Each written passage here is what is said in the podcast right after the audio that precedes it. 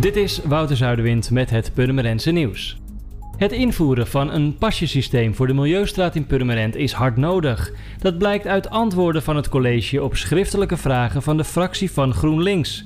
Raadslid Fred Beijert vroeg wethouder Paul van Meekeren om de cijfers waaruit blijkt dat de Milieustraat wordt misbruikt door inwoners van buiten Purmerend, Beemster en Nek, die met hun grof vuil dus niet welkom zijn in Purmerend.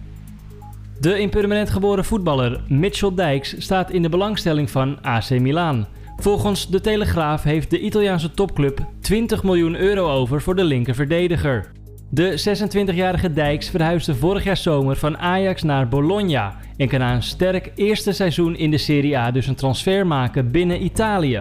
Ook zouden het Spaanse Sevilla en Real Betis interesse hebben in de Purmerender.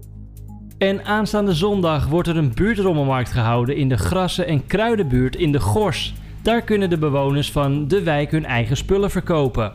Iedereen kan langskomen en de toegang is gratis. Wel wordt vanwege de beperkte parkeergelegenheid verzocht om niet met de auto te komen, maar bijvoorbeeld met de fiets of het OV. De rommelmarkt duurt van 10 tot 3. Voor meer nieuws, kijk of luister je natuurlijk naar RTV Purmerend, volg je onze socials of ga je naar rtvpurmerend.nl.